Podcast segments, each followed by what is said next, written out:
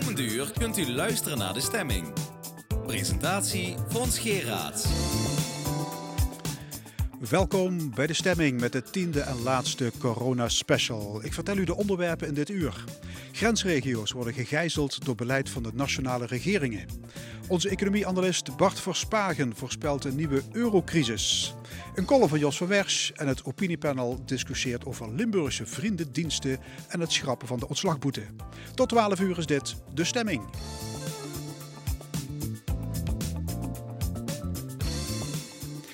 Dat het Europa van de regio's in de praktijk nog altijd weinig voorstelt, mogen blijken uit de coronacrisis. Grenzen zijn geblokkeerd en bewoners van grensregio's worden financieel en anderszins gedupeerd.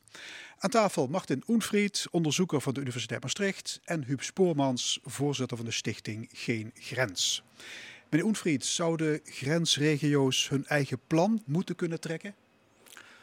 Dat denk ik wel, in de toekomst zeker. Want voor mij was het natuurlijk een verrassing. Ik woon niet ver weg van de Belgische grens bij Cannes. Als ik daar zag dat de grens dicht is, dacht ik: wauw, dat dacht ik niet dat ik dat nog meemaak in mijn leven. We zijn nu vijf jaar bezig bij ITEM, bij het Grensinstituut van de universiteit, om min of meer de grens open te maken en voor een grensoverschrijdende economie uh, te pleiten. En dat was natuurlijk ook voor ons wel heel tragisch om te zien, wauw, al dat wat we dachten, wat we al hebben bereikt, ook een, een, een stevige regionale afstemming, dat hebben we helaas niet gezien tijdens de crisis. Om een voorbeeld te geven, in Sittard zou hetzelfde beleid gevoerd moeten worden als in Heinsberg en in de rest van de Duitse zelfkant. Ja, als we dat... nu zien, wat is überhaupt de aanpak qua gezondheid? Hè? Het is testen, traceren en isoleren. En natuurlijk was dat altijd duidelijk. Maar omdat er een gebrek was aan capaciteiten kennelijk, hè, wat, wat testmateriaal betreft en ook IC-capaciteiten, hebben we gezien dat iedereen alleen nog zijn eigen nationaal belang kende. Dus het was geen, er was geen kans om te zeggen, we doen dat per regio. En die regio betekent niet dat het om een landsgrens gaat, maar die regio is bijvoorbeeld de landkreis Heinsberg en, en Sittard. Maar zover zijn we kennelijk nog niet. Ja, meneer Spoormans, welke problemen doen zich voor in grensstreken? Nou, de problemen die ze hebben vooral te maken met de publieke kant, zeg maar. Want uh, privé weten we de grens heel gemakkelijk over te gaan. Dan gaan we shoppen, gaan we naar de opera en Luik, gaan we wandelen. Daar komen ook andere mensen uit de eh, regio tegen. Daar zijn weinig problemen. We hebben nu wel gemerkt, nu de grenzen dicht waren, dat dat niet kon. De grootste problemen zijn die dingen die we collectief organiseren. Dat doen we meestal binnen nationale staten. En die zijn er niet toe genegen om bevoegdheden af te staan of te delen met anderen. Dus we zouden veel meer samen moeten werken en ook bestuurders ervan overtuigen dat we dingen samen moeten bespreken en samen moeten oplossen. Ja, als je in Limburg werkt als ZZP'er of als ondernemer en je woont in België, dan kom je niet in aanmerking voor financiële steunmaatregelen. Hè? Nee, dat klopt. Ja. En in België hoef je ook niet aan te kloppen. Nee, dus die mensen zitten in een niemandsland. Ja. Dat is een typisch zo'n ding die je per land regelt.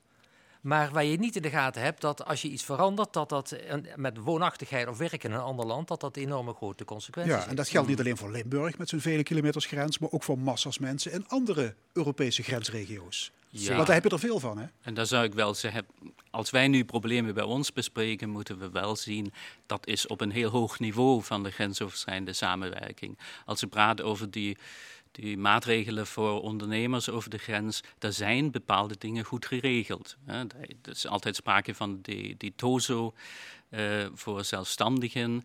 Daar zijn dingen geregeld. Je mag wel een lening krijgen, ook als je in België woont vanuit Nederland, maar je krijgt geen bijstand. En dat heeft te maken met een soort principe dat de Nederlandse overheid interpreteert en zegt hier eh, hanteren we het woonlandprincipe en dan heb je weer strijd onder. Collega's van mij zeggen dat dat is in strijd met Europees recht. Maar dat is echt een probleem op dit moment.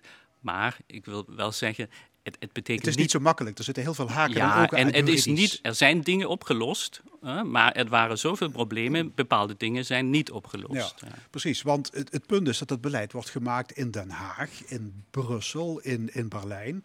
En daar hebben ze de specifieke problematiek van de, grens, van de grensregio's niet op hun netvlies staan, meneer Spoormans. Nee.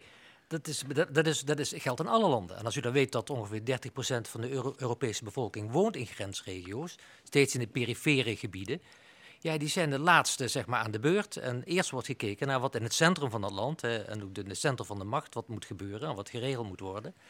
En dat is ook een reden waarom wij vinden dat mensen in die regio's zich daarvan bewust moeten zijn en niet altijd moeten afwachten op de nationale overheid, maar zelf de grens over moeten gaan en samen met mensen aan de andere kant van de grens dingen moeten afspreken en regelen. En dat gebeurt ook. Er is al erg veel, de laatste jaren is er ontzettend veel vooruitgang geboekt. Uh, en ik denk dat dat de niet terug te, te, te, keren valt. Ik verwacht niet dat ineens nou die, al die grenzen de komende jaren dicht gaan. Dat denk ik niet. Ja, maar, nu wel eventjes. Maar u zegt het centrum staat altijd centraal en de periferie, de buitengebieden, die hebben een beetje het nakijken. Ja. Maar ik kan me herinneren dat de Tweede Kamer ooit een grenseffectentoets heeft aangenomen. Ja. Ja, dat, dat heeft ook met ons te maken. Want Item, is? Item, het instituut waar ik voor werk bij de universiteit. We hebben nu vijf jaar lang ieder jaar een wat we grenseffectenrapportage noemen opgesteld en hebben gekeken naar bepaalde stukken wetgeving, wat bijvoorbeeld uit Nederland of uit Duitsland, en hebben gekeken wat zijn de effecten op de, de grenssituatie. En we hebben ook uh, de Nederlandse overheid geadviseerd en ze hebben nu een soort handleiding voor de verschillende ministeries dat die bij een beleidsvoornemen ook toetsen wat zijn ja, maar gevolgen. Maar daar merk je de praktijk toch helemaal niks van? Ja, dat is, was een eerste stap. Ik denk dat het nog een beetje in de kinderschoenen nu is. Maar het was een eerste stap om te zeggen, we moeten veel maar beter Ik heb geen Tweede Kamerlid gezien die met die grenseffecten toetsen heeft zitten te wapperen. Minister, denk eraan, dit hebben we ooit aangenomen. Er waren, wel, er waren wel Kamervragen, heel vaak. Oh. Waar, waar maar nu, leden van over de Tweede deze crisis? Kamer... Ook, ook over de TOZO en andere instrumenten. De Tweede Kamerleden zijn er wel actief bezig mee. Aan de andere kant, ja, moet het kabinet dan zeggen, provincies met een buitengrens, jullie mogen het allemaal zelf uitzoeken? Nee, ik denk niet dat het een of-of is. Uh, ik denk dat we. Uh, kijk, zo'n probleem als we nu hebben, dat, dat speelt door heel Europa. Dus dat kun je ook niet alleen Europees algemeen regelen. Je kunt het per land regelen. De regio's hebben al andere belangen. Wat je moet hebben is een soort coördinatiemechanisme. Dat je rekenen met elkaar houdt. Weet wat de effecten van je eigen beleid zijn. En dat is wat ik wel mis bij het huidige beleid. Dat, dat sommige landen, hè, zoals nou in, in deze regio, grens, in de, de Belgen doen een grens absoluut dicht, de Nederlanders niet. Dat krijgt allerlei wrijvingen, dat is dan irritaties omheen. Dat hoeft niet. Dat kun je beter afstemmen met elkaar, beter afspreken. Uh, en daar is denk ik nog wel wat vooruitgang te boeken. En dat denk ik is ook zo teleurstellend, want we zitten op een hoog ambitieniveau. Dus we hebben hier de Benelux. Dan zou je toch denken, je kan voorkomen dat de grens dicht moet gaan als je problemen hebt met toeristen in Lanaken. En dat was op zich de reden waarom dan vanuit België werd gezegd, zo gaat het niet verder. Maar dan, wij willen dat graag onderzoeken. Nu, ja, wat was de rol van de Benelux? Wat was de rol van een Euregio op, op een moment van crisis?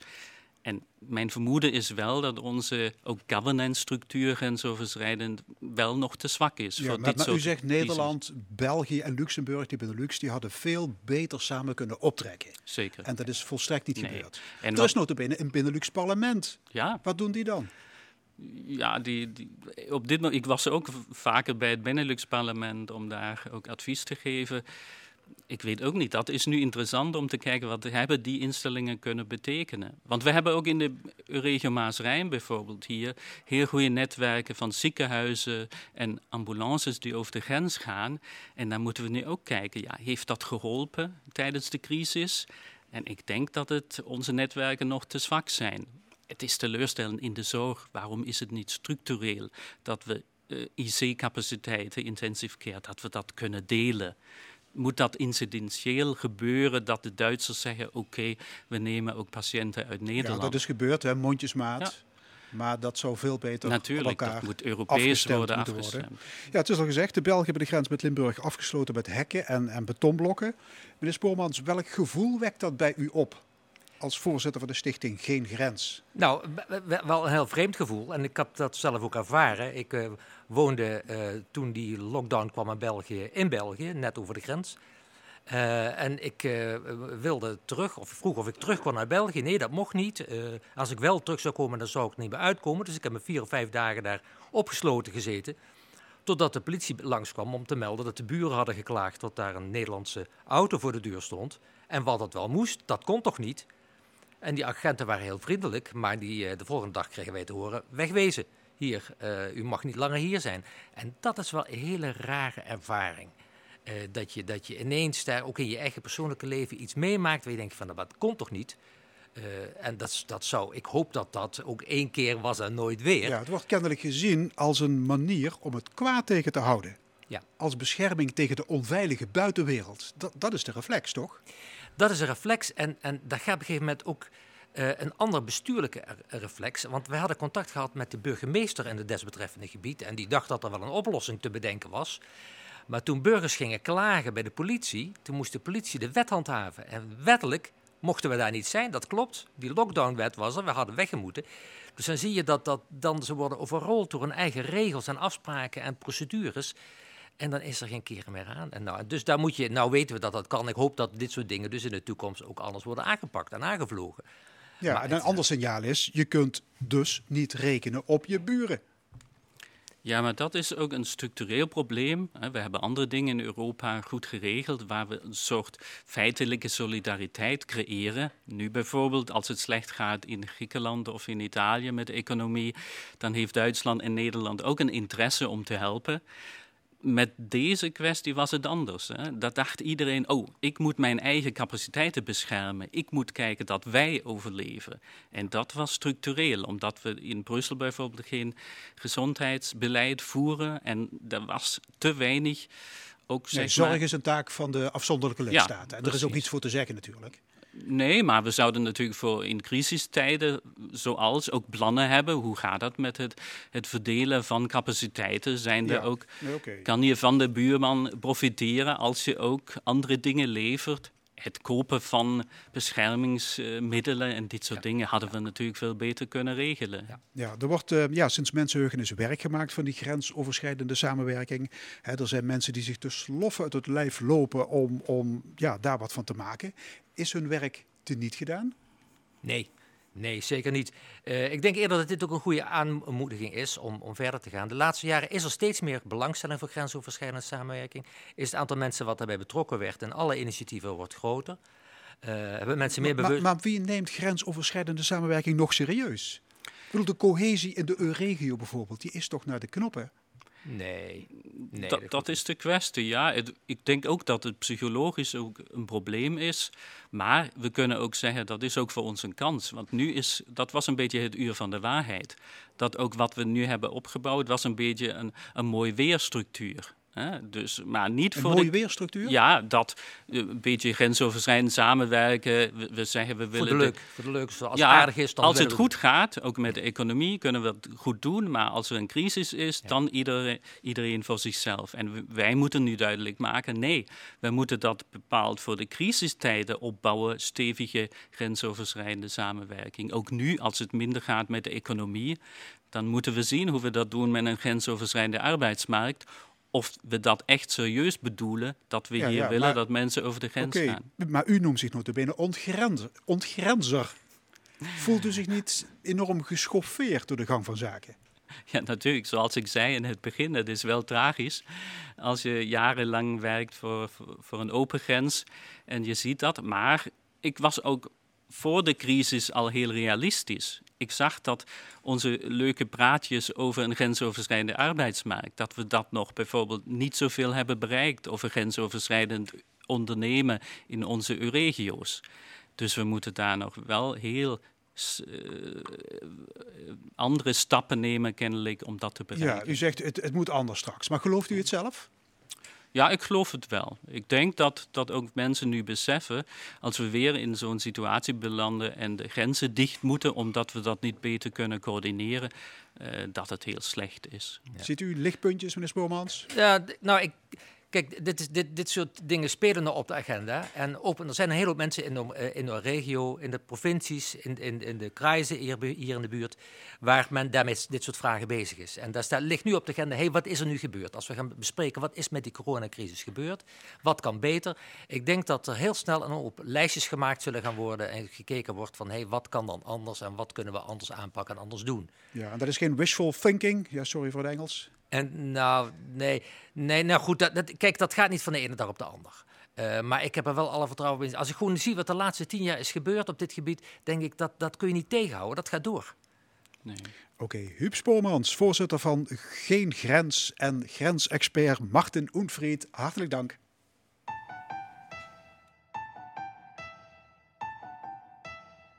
Formidable, formidable. Tu étais formidable, j'étais formidable. Nous étions formidables. Formidable. Tu étais formidable, j'étais formidable. Nous étions formidables. Oh bébé, oups, mademoiselle, je vais pas vous draguer. Promis, juré, je suis célibataire depuis hier, putain. Je peux pas faire d'enfant et bon, c'est pas, hé, reviens, cinq minutes quoi. Je t'ai pas insulté, je suis poli, courtois et un peu fort bourré. Mais pour les mecs comme moi, vous avez autre chose à faire. Hein. M'auriez vu hier, j'étais formidable. Formidable. Tu étais formidable, j'étais formidable. Nous étions formidables. Formidable. Tu étais formidable, j'étais formidable. Nous étions formidables. Oh, tu t'es regardé, tu te crois beau parce que tu t'es marié. Mais c'est qu'un anneau, mec, t'emballe pas. Elle va te larguer comme elles le font chaque fois. Et puis l'autre fille, tu lui en as parlé. Tu veux, je lui dis, comme ça c'est réglé. Et au petit aussi, enfin si vous en avez. Attends 3 ans, 7 ans, et là vous verrez si c'est formidable. Formidable. Tu étais formidable, j'étais formidable. Nous étions formidables. Formidable.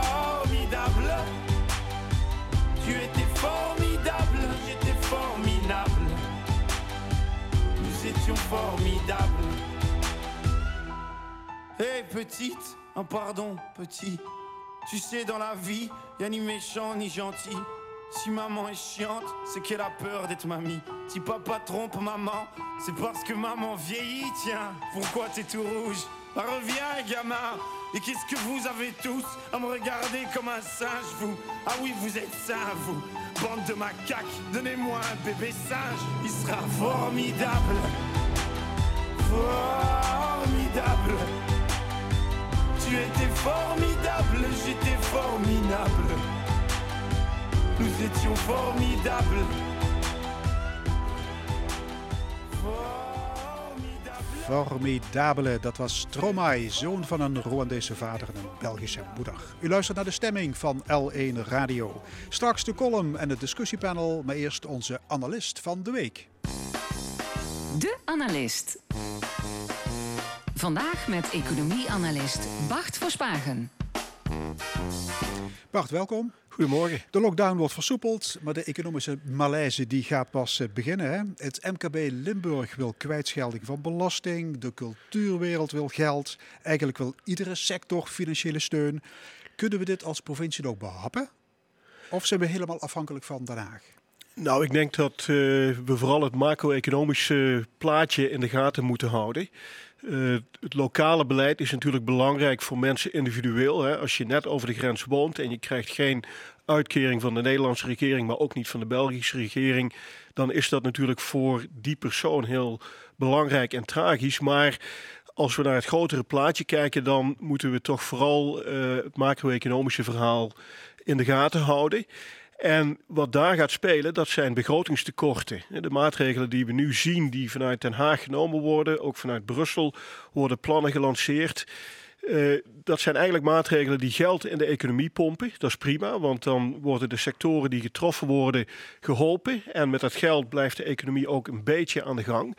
Maar het leidt natuurlijk tot enorme begrotingstekorten. We hebben voor Nederland een prognose van ongeveer 110 miljard uh, tekort voor de overheid in 2020. En dat is ja, toch 10 tot 15 procent van het, uh, van het nationale inkomen. En dat hakt er stevig in. Ja. Ehm, ja, stevige steunmaatregelen ja, die zorgen voor een nog legere schatkist. Eh, jij ziet de bui al hangen. Is een grootscheepse bezuinigingsoperatie onafwendbaar? Ik denk het wel. In Nederland zijn wij niet zo uh, heel erg happig op begrotingstekorten, op overheidsschuld. Onze politieke uh, ja, neiging is toch altijd om dat zo snel mogelijk recht te trekken. En je ziet nu dat de minister van Financiën zegt: ja, we gaan niet meteen alles weer uh, terughalen, we gaan niet meteen bezuinigen. Maar ik denk niet dat dat lang stand zal houden. We hebben volgend jaar verkiezingen. En ik denk dat na die verkiezingen toch heel duidelijk weer dat bezuinigingsverhaal de kop zal opsteken. En dat wordt alleen maar erger doordat we in een monetaire unie zitten met de euro op Europees niveau. Ja, want wij willen dat andere eurolanden ook gaan bezuinigen. Ja, dat zie je natuurlijk al in die discussie die we aan het begin van de lockdown hadden. Toen werd er meteen al gesproken met de andere Europese landen. Onze minister maakte zich verschrikkelijk uh, onpopulair in die landen. En ja, die impuls die zullen we natuurlijk nog veel sterker gaan zien. Uh, en dat komt eigenlijk omdat we ja, een fundamenteel probleem hebben. We hebben, maar, we hebben wel één Europese munt, maar we hebben geen overeenstemming met al de landen die die Europese munt hebben over het macro-economische beleid. Wij in Nederland, met nog een aantal andere landen, de vrekkige vier worden ze tegenwoordig genoemd, maar ook Duitsland kun je daarbij nemen. Wij willen altijd zo snel mogelijk die overheidsschuld uh, wegwerken. Maar in andere landen kijken ze daar wat relaxter tegenaan. En dat verschil van inzicht, dat is eigenlijk een heel groot probleem Ja. in die euro. En jij zit tegen mij, er zitten ook fundamentele weeffouten in het systeem van de euro. En die zijn er na de bankencrisis van 2008 zijn die er niet uitgehaald. Dus deze ellende gaat zich herhalen. Ja, ik denk het wel. We zijn eigenlijk na die bankencrisis in 2008 zijn we langs de afgrond eh, gegaan. Je zag toen dat de rente in Zuid-Europese landen ontzettend opliep. Eh, dat kwam doordat eh, er paniek in de financiële markten ontstond. Beleggers die hadden heel lang geen fatsoenlijke rendementen kunnen halen. Die gingen heel veel risico nemen. En op het moment dat dat misging, ja, toen sloeg de paniek toe. En toen plotseling bleek ook dat al die Zuid-Europese landen ontzettende begrotingstekorten hadden. Dus beleggers vonden dat ook een heel akelig idee. Wilden zo snel mogelijk van die obligaties af. En daardoor liep de rente voor die landen ontzettend op. Um, en dat kwam dus weer door die, die weeffout dat we geen overeenstemming van, uh, van over het macro-economische beleid hebben in die eurolanden. En ja, toen kwam de, de Europese Centrale Bank, de ECB, die heeft ons eigenlijk toen gered. Ja. Um, want die gingen overheidsschuld opkopen, die gingen die obligaties van die landen die die hoge rente hadden, uh, gingen ze opkopen. Daardoor ging die rente weer omlaag, was het probleem opgelost en iedereen geloofde dat het toen wel weer goed zat. Ja, maar, maar die weeffout, zoals jij het noemt, is er eigenlijk niet echt uitgehaald. Nee, die... Dus jij bent bang dat er een nieuwe crisis aan zit te komen, een nieuwe eurocrisis. Ik ben daar wel bang voor, ja, dat die coronacrisis van nu gevolgd wordt door een eurocrisis. Omdat je ziet dat die begrotingstekorten gaat oplopen. Niet alleen bij ons, ook in Italië, in Griekenland, in Spanje, in, in Frankrijk. Overal gaan die begrotingstekorten oplopen. Een aantal van die landen gaan pleiten voor heel snelle en drastische bezuinigingen. En een aantal landen die gaan dat niet willen. Ja. En op het moment dat de ECB zou besluiten om die overheidsobligaties niet meer op te kopen, ja, dan schiet die rente weer de lucht in. En dan hebben we hetzelfde probleem dat die landen eigenlijk failliet dreigen te gaan. Maar aan zich is het voor een leek moeilijk te bevatten dat in de eurozone een crisis kan ontstaan. Omdat we toch allemaal dezelfde munt hebben. We hebben allemaal de, één ja, grote munteenheid. We hebben allemaal dezelfde munt, maar we hebben toch als landen nog afzonderlijke begrotingen. Dus een land kun je nooit, als het puntje bij paaltje komt, kun je nooit dwingen in de huidige manier om dat begrotingstekort terug te dringen. Dus als in Zuid-Europa de staatsschuld blijft oplopen, ja, dan kunnen wij wel nachtenlange vergaderingen organiseren met ministers van Financiën. Kunnen we ons heel hard opstellen. Maar uiteindelijk zal dat toch, uh, ja, zal, zal het niet lukken om dat tegen te gaan. Ja, en de oplossing moet weer komen, net als de vorige keer van die Europese Centrale Bank, die ECB. Dat is ja. een, een oplossing voor de wat kortere termijn. Maar we moeten ons realiseren dat dat een oplossing is die ook uh, belangrijke nadelen heeft. Hè. We hebben Voor de coronacrisis hadden we het vaak over de lage rente. We weten het allemaal. Als we geld op de bank zetten, krijgen we nauwelijks rente meer. De pensioenfondsen doen het heel slecht, moeten gaan korten op onze pensioenen, omdat er uh, in de financiële markten geen rendement meer te halen is. Nou, dat komt gedeeltelijk ook doordat die Europese Centrale Bank genoodzaakt is geweest om al die staatsobligaties op te kopen. Uh, als dat niet zo zou zijn, dan hadden we ook een financiële markt met een beter rendement. Dus uh, dat is een nogal vervelend neveneffect van die reddingsoperatie van de ECB. Ja, lekkere boodschap heb je ons te vertellen. Ja, ja, ja. Maar je bent toch geen pessimist van nature? Van nature niet, nee. maar... Maar is er een oplossing, Bart, voor de langere termijn? Wat zou er moeten gebeuren om hier uit te komen? Ja, ik denk dat we, we moeten radicaal omdenken. En dat hoor je vaak tegenwoordig met de coronacrisis. Maar in dit geval betekent dat dat we moeten gaan kijken naar oplossingen waar we tot nu toe eigenlijk nooit aan wilden gaan. Een van de dingen die je kunt voorstellen is wat uh, een fiscale unie genoemd wordt. En een fiscale unie betekent dat je behalve één munt ook uh, één begrotingsbeleid hebt. Dus dat betekent dat die landen zelf, wij als Nederland, maar ook Italië, Spanje, alle eurolanden, nooit meer mogen uitgeven dan ze zelf aan inkomsten binnenkrijgen. En dan is er één Europese centrale autoriteit die wel een begrotingstekort mag creëren, maar dat is dan een eurozone-wijd begrotingstekort. En die, dat begrotingstekort kun je dan gebruiken als het instrument waarmee je die crisis te lijf kunt gaan. Maar dan heb je niet langer meer die tweespalt tussen die landen. En heb je ook niet meer het feit dat in het ene land die rente ontzettend kan oplopen. En in het andere land de rente bijna negatief wordt. Ja, ik snap hem. Maar dat betekent wel dat wij voor een groot deel onze financiële soevereiniteit moeten opgeven. Ja. Zie jij dat gebeuren met de VVD in de regering? Dat is inderdaad een heel moeilijke zaak. Uh, maar ik denk als wij daar een fatsoenlijk democratisch en politiek debat over kunnen hebben, dat toch ook uh, redelijke partijen zoals de VVD, maar ook de PvdA, die natuurlijk dat beleid ook gevoerd hebben. Onze vorige minister Dijsselbloem was een PvdA, maar hij was op dat gebied de havik van, uh, van de EU. Als wij met z'n allen dat debat kunnen voeren, dan zullen we moeten inzien dat dit eigenlijk de consequentie is van de keuze die we in het verleden gemaakt hebben. Als we één munt willen, zullen we ook één fiscaal beleid moeten hebben. Ja. Anders werkt het niet. En dan slaan we twee vliegen in één klap. We loodsen de economie verantwoord door de crisis en de rente die wordt blijvend hoger. Precies, want ja. we moeten dan ook accepteren dat we de schulden iets hoger laten oplopen dan alleen maar die ja, lage niveaus die wij in Nederland willen. We zullen dan een soort van middenweg moeten vinden waarin er iets meer overheidsschuld gaat ontstaan.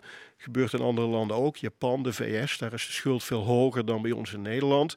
En ja, dat betekent dat er op de financiële markten uh, je ook kunt verwachten dat voor die ja, bijna risicoloze leningen aan die Europese Centrale Fiscale Unie, dat daar de rente iets voor omhoog zal gaan. En dat vinden wij als spaarders en als mensen die voor ons pensioen sparen natuurlijk alleen maar goed. Oké. Bart Verspagen, onze economieanalist, hartelijk dank. Vast onderdeel van de stemming is eh, de column. Vandaag op de zeepkist Jos van Wersch.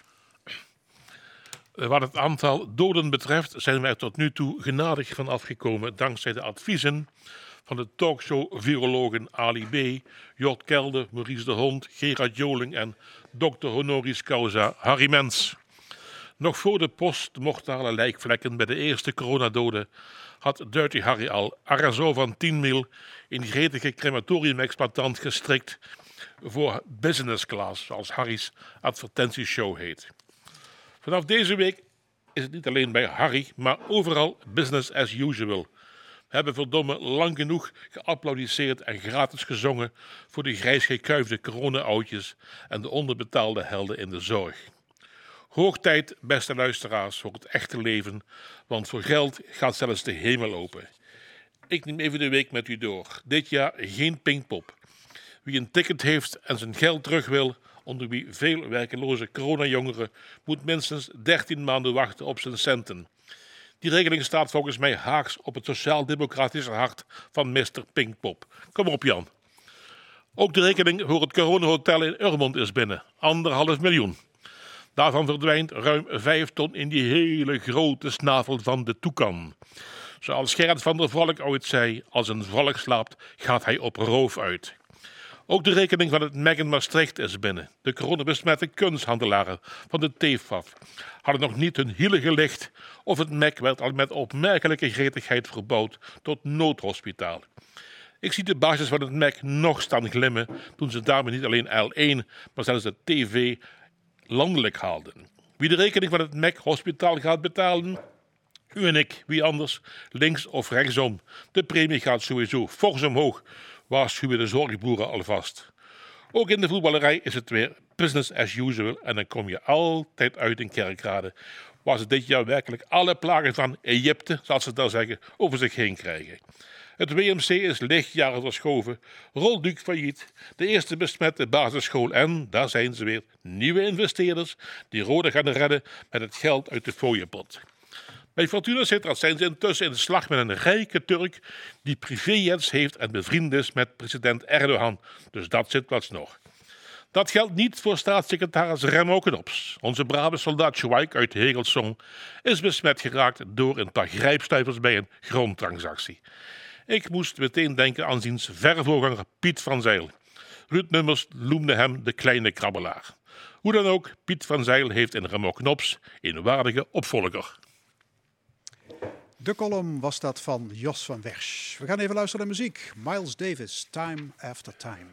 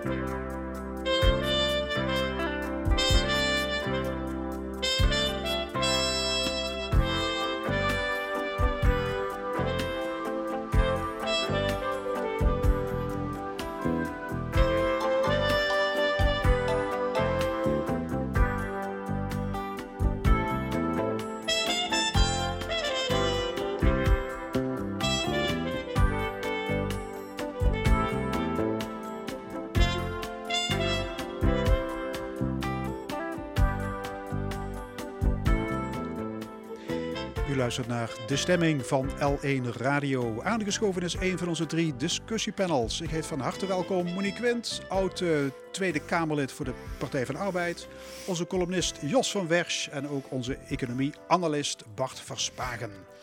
Ja, volgende week maandag worden allerlei coronamaatregelen versoepeld. Cafés en terrassen gaan open, musea, concertzalen, het voortgezet onderwijs. Wat vinden jullie van die versoepeling? Nou, laat ik uh, dit zeggen dat ik nog nooit zo ongelukkig ben geweest met het tussen de regels doorluisteren naar minister-president.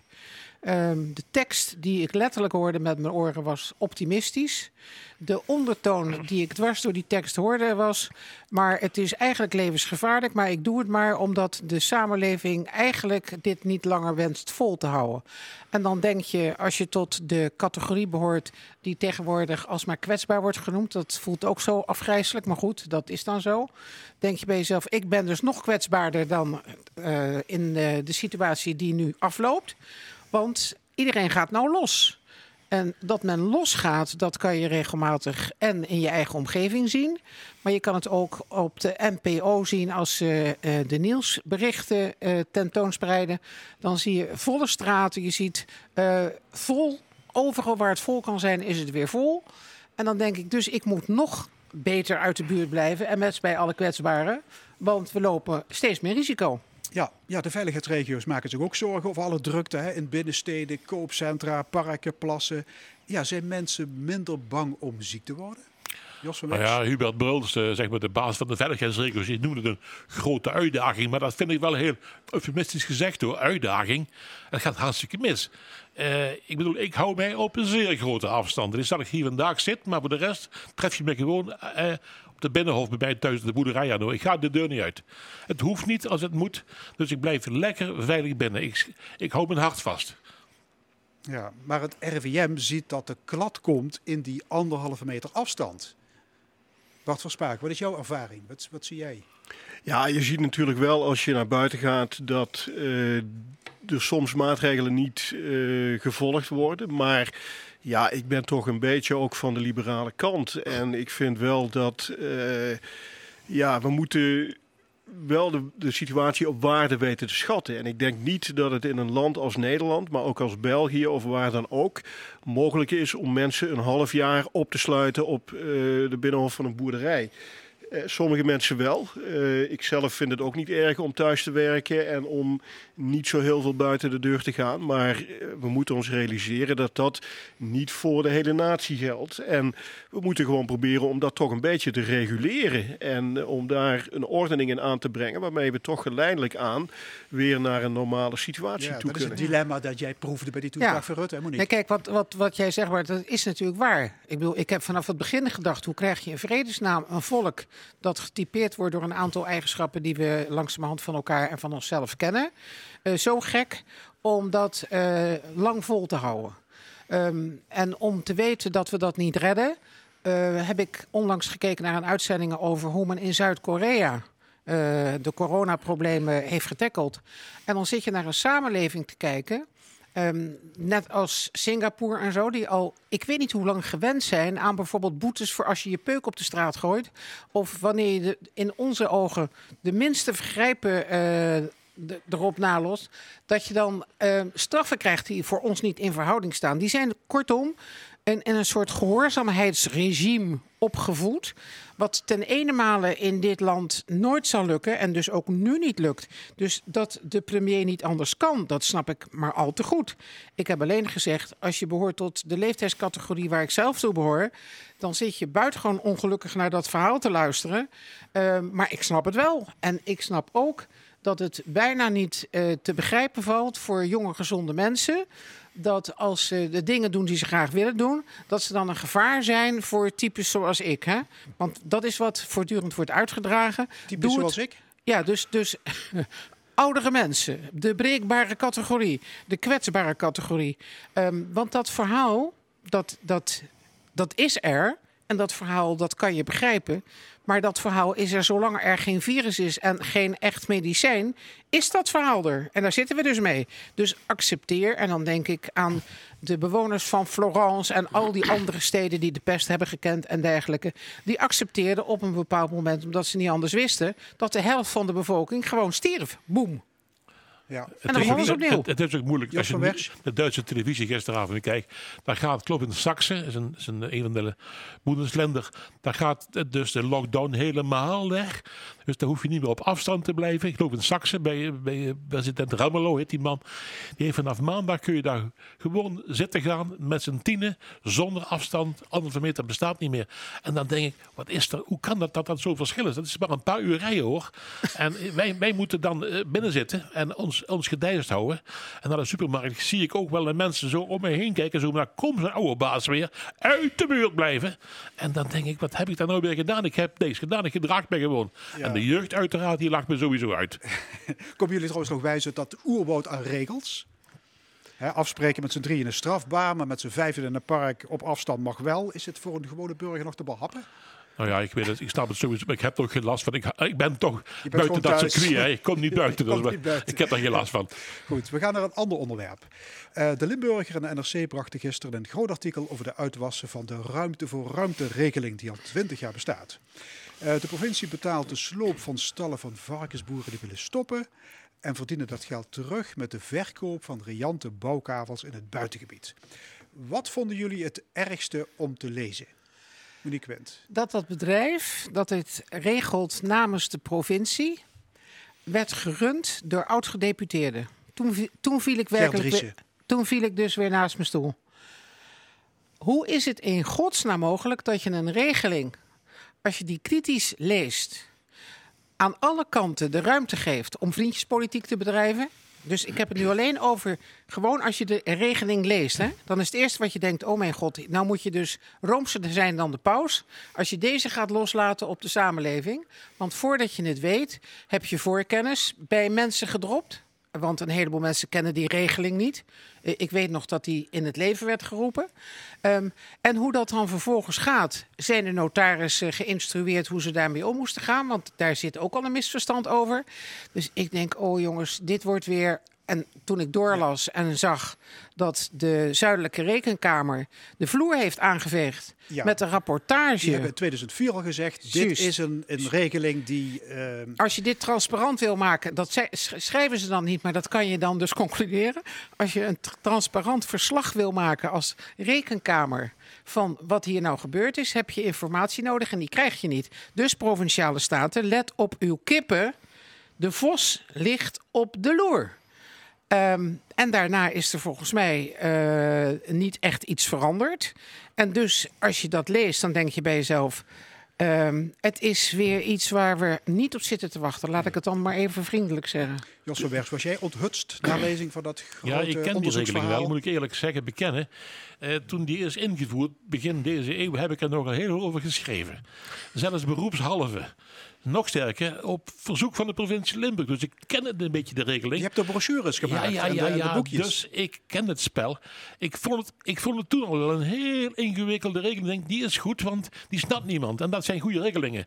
Want het deed me en je zei toen niet van, geef die Nee, nee, opdracht maar nee, iemand anders, ik- want ik heb hier die ga ik mijn vingers niet Ik aan heb die branden. geschreven als zelfstandige tekstschrijver. En daar, moet ik, daar leef ik van af en toe. Hè.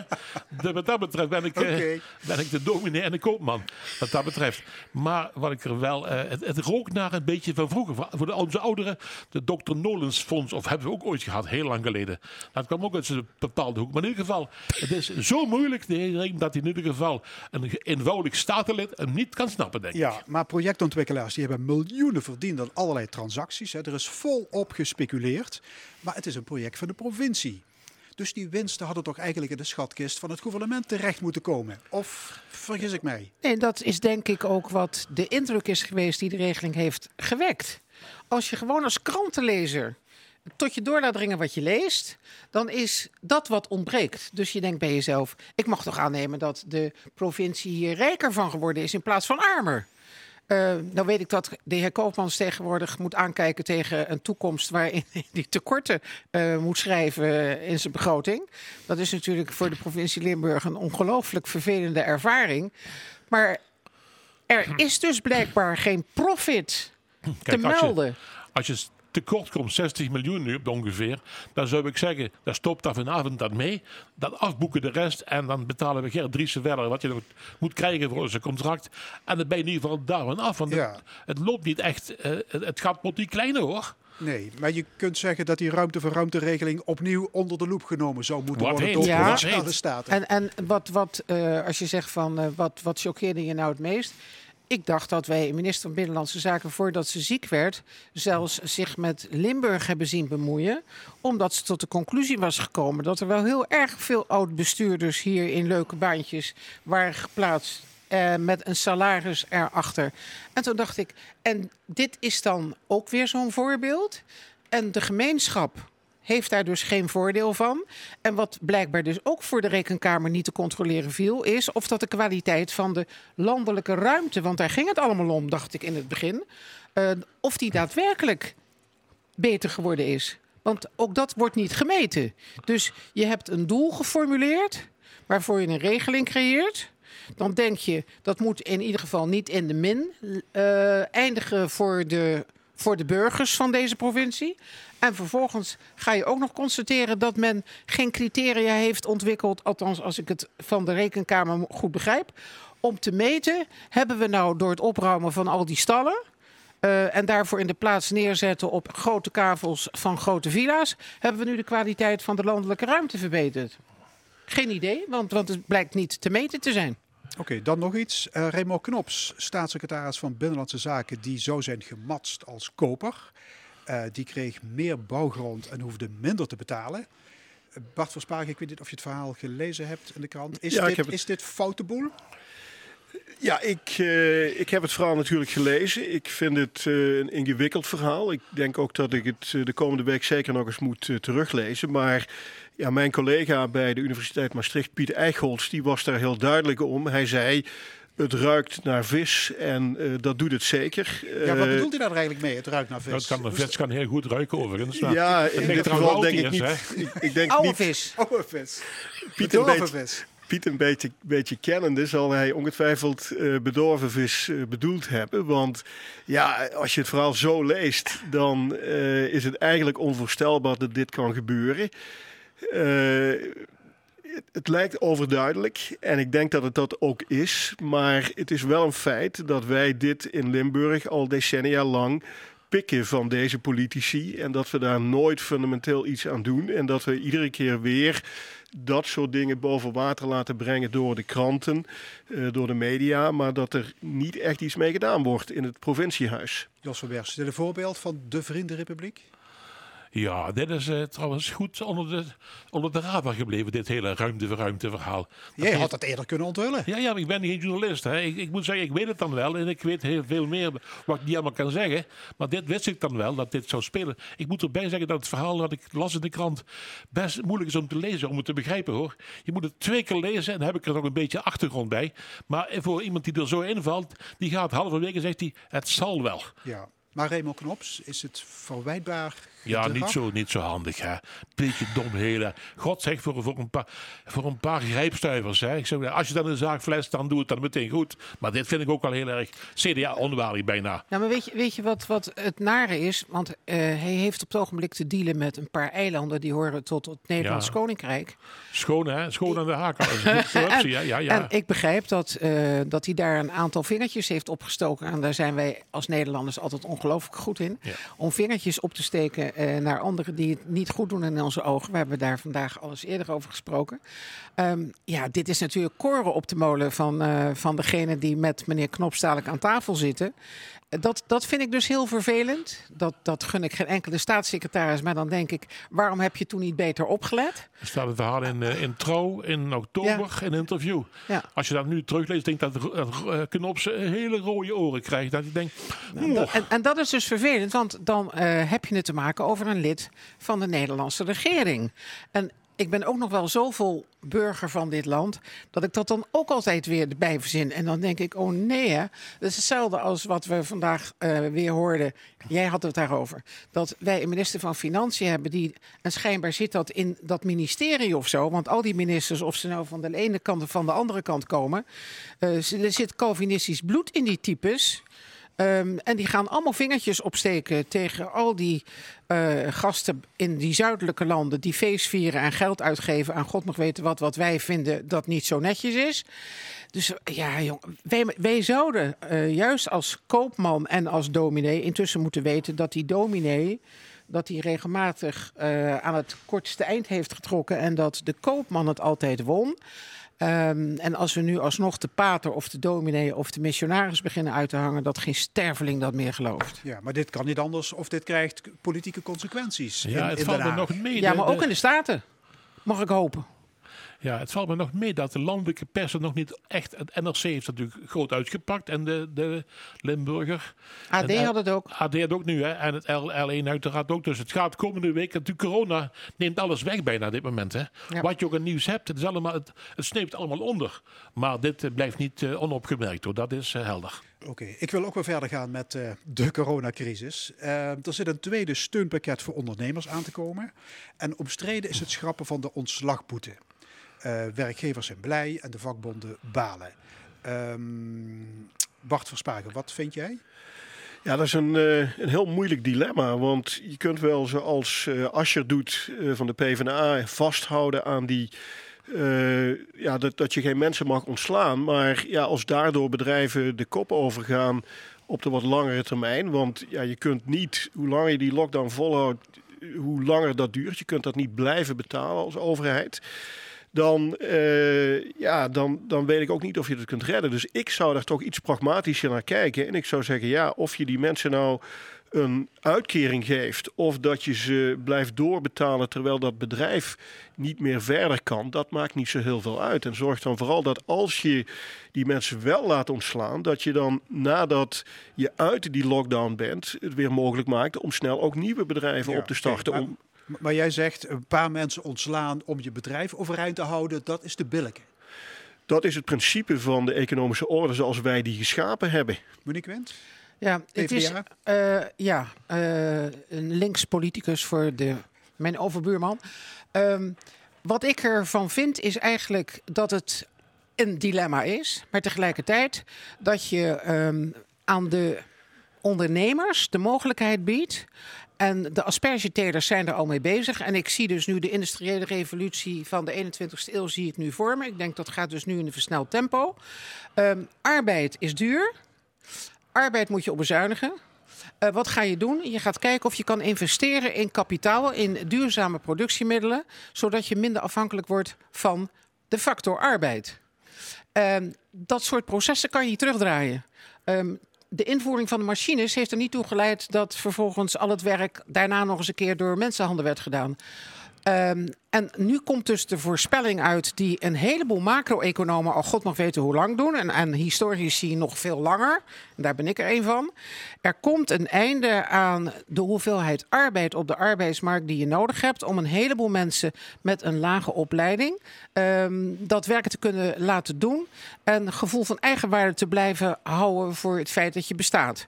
Um, alles wat nu geïnvesteerd wordt in flexwerk in allerlei losvaste contracten en in duurzame uh, goederen om het werk te doen wat tot nog toe mensen deden en wat uh, dadelijk de machines doen. Dat proces gaat nooit meer teruggedraaid worden. Dus je gaat nu versneld in een situatie komen die voor heel veel mensen heel bedreigend is. Jos van Wersch, ontslag, boete, schrappen of niet? Ja, even terug naar inderdaad de vraag. Uh, er zijn te veel bedrijven, en dan zit het nog wel redelijk in die kennis, die dat gewoon niet meer houden. Die moeten mensen gaan ontslaan dat zit er aan te komen. Ook met een, een, subsidieregeling of een ondersteuning is ook heel goed. Maar dat bedrijf kan niet alle mensen op de loonlijst houden wat er nu aan de hand is. Dus we gaan dat gewoon de komende maanden gaat dat gebeuren. En ik kan het ook heel erg billiken gezien de omstandigheid. Ja, maar je kunt maar, ook zeggen, eerst moeten de flexwerkers eruit en nu kennelijk het vaste personeel. Gekker moet het toch ook niet worden? Ja, ja, en bovendien is het zo dat die regeling is bedoeld ter compensatie van loonkosten. Ja, en tegelijk? Er staat, de, juist, dus dat is heel heel strijdig met elkaar. Maar bovendien is het zo dat ik me inderdaad kan voorstellen dat kleine bedrijven, familiebedrijven, mensen die sinds jaar en dag in kleine groepjes al uh, samen een bedrijf overeind houden, uh, dat daar inderdaad het pijn doet wanneer je niet langer meer je bedrijf uh, kan overeind houden en dat het, je het geld gewoon niet meer. Maar dit gaat ook doorwerken in de grote bedrijven. En het is dus voor de zoveelste keer dat uh, de Nederlanders, en dat geldt niet alleen voor Nederlanders, maar voor een heleboel mensen, erachter komen. Ook bij de KLM is dat tot mijn grote vreugde eindelijk eens een keer op de voorpagina geland. Uh, die verdienen die grote bedrijven en leasen datgene wat het duurste is aan hun bedrijf via een onderneming die ergens zit waar ze geen belasting betalen. Dus met andere woorden, al die kosten die wij maken en wat wij proberen uh, ten gunste van mensen te vergoeden, dat komt uit een belastingpot. Maar die grote jongens en meisjes die betalen geen rode duit aan de belastingpot, waar ze nu vervolgens van vragen: mag ik alsjeblieft steun? En daar zit voor mij de nadigheid dat je dus opnieuw ziet dat groot wint van klein. En dat de factor arbeid het onderspit delft van de factor kapitaal. Maar dat is een proces dat we al decennia lang ja. met behulp van de sociaal-democratische partijen, inclusief de PvdA, zelf in gang hebben gezet. Dus dat is een keuze. En ik vind het mooi dat hier nog een, een linkse politica uit de PvdA tegenover mij zit. Want ik denk dat er nog heel weinig linkse politici in de PvdA over zijn. Maar dat neemt niet weg dat ik, uh, als ik analyseer wat ik zie, dan zie ik dit dus. En of dat allemaal wenselijk is, ook nog aan de vooravond van een discussie dat we planeet Aarde om zeep aan het helpen zijn. Uh, met alle uh, rollen die het groot kapitaal daarin speelt, dan hebben we hier nog wel een uurtje de tijd. Hartelijk dank. Discussiepanel vandaag met Monique Quint, Jos van Wersch en Bart Verspagen. En tot zover deze tiende en laatste corona-special van de stemming. Volgende week maken we weer een uitzending van twee uur met achtergronden bij het nieuws. Zometeen op deze zender. Dit is L1 met Ruben Bekers. Ik wens u nog een mooie dag.